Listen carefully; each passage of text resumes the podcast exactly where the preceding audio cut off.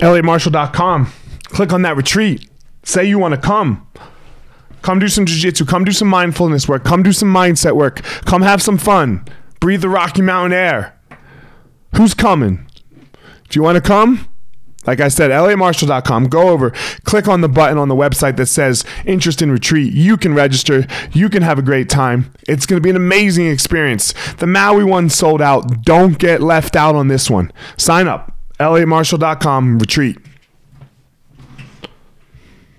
My ninjas, let me ask you a question. I have a question for you to start out today. What day is going to be the best best day to die? That's a fucked up question, right? What day is going to be the best day for you to not live anymore? Can you answer that question? So why not today? It's a good day to die today. Well, Elliot, what the fuck? Well, I don't want to die today. Of course you don't want to die today. But you don't you're not going to want to die any day. There's no day that's ever going to come up where you're like, "Yo, today's the day where I want to die." Today today's the perfect day. You know, I got everything done that I needed to get done. I don't really need to see my kids anymore, my wife anymore, or, you know, like today's the day. Let's do it today. Very rarely. Now, look, if you're suicidal, please, you know, obviously, let's get some help. But very rarely are you ever going to feel like like you've accomplished and and experienced all the experiences you need. And and it's it's okay today to move on and go see what happens after. So fuck it. Let's go. Let's charge. Let's let's charge into it. Charge charge into it. Charge into the unknown. I'm not necessarily saying your death, but your unknown. The things that that you're afraid of.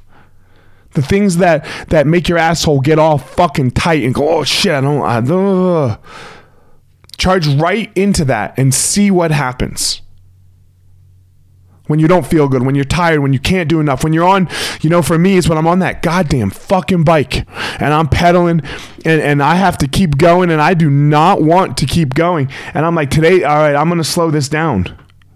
No, ride faster, ride harder. See what you are actually capable of. The only thing that's holding you back is your mind. And I have to sit, say to myself on that bike, man, Elliot, you know what? Today's a good day to die. When it when it feels like I'm going to. When it feels like I can't do anymore. Elliot, today's a good day to die. To die. To die. Ride harder. Ride harder.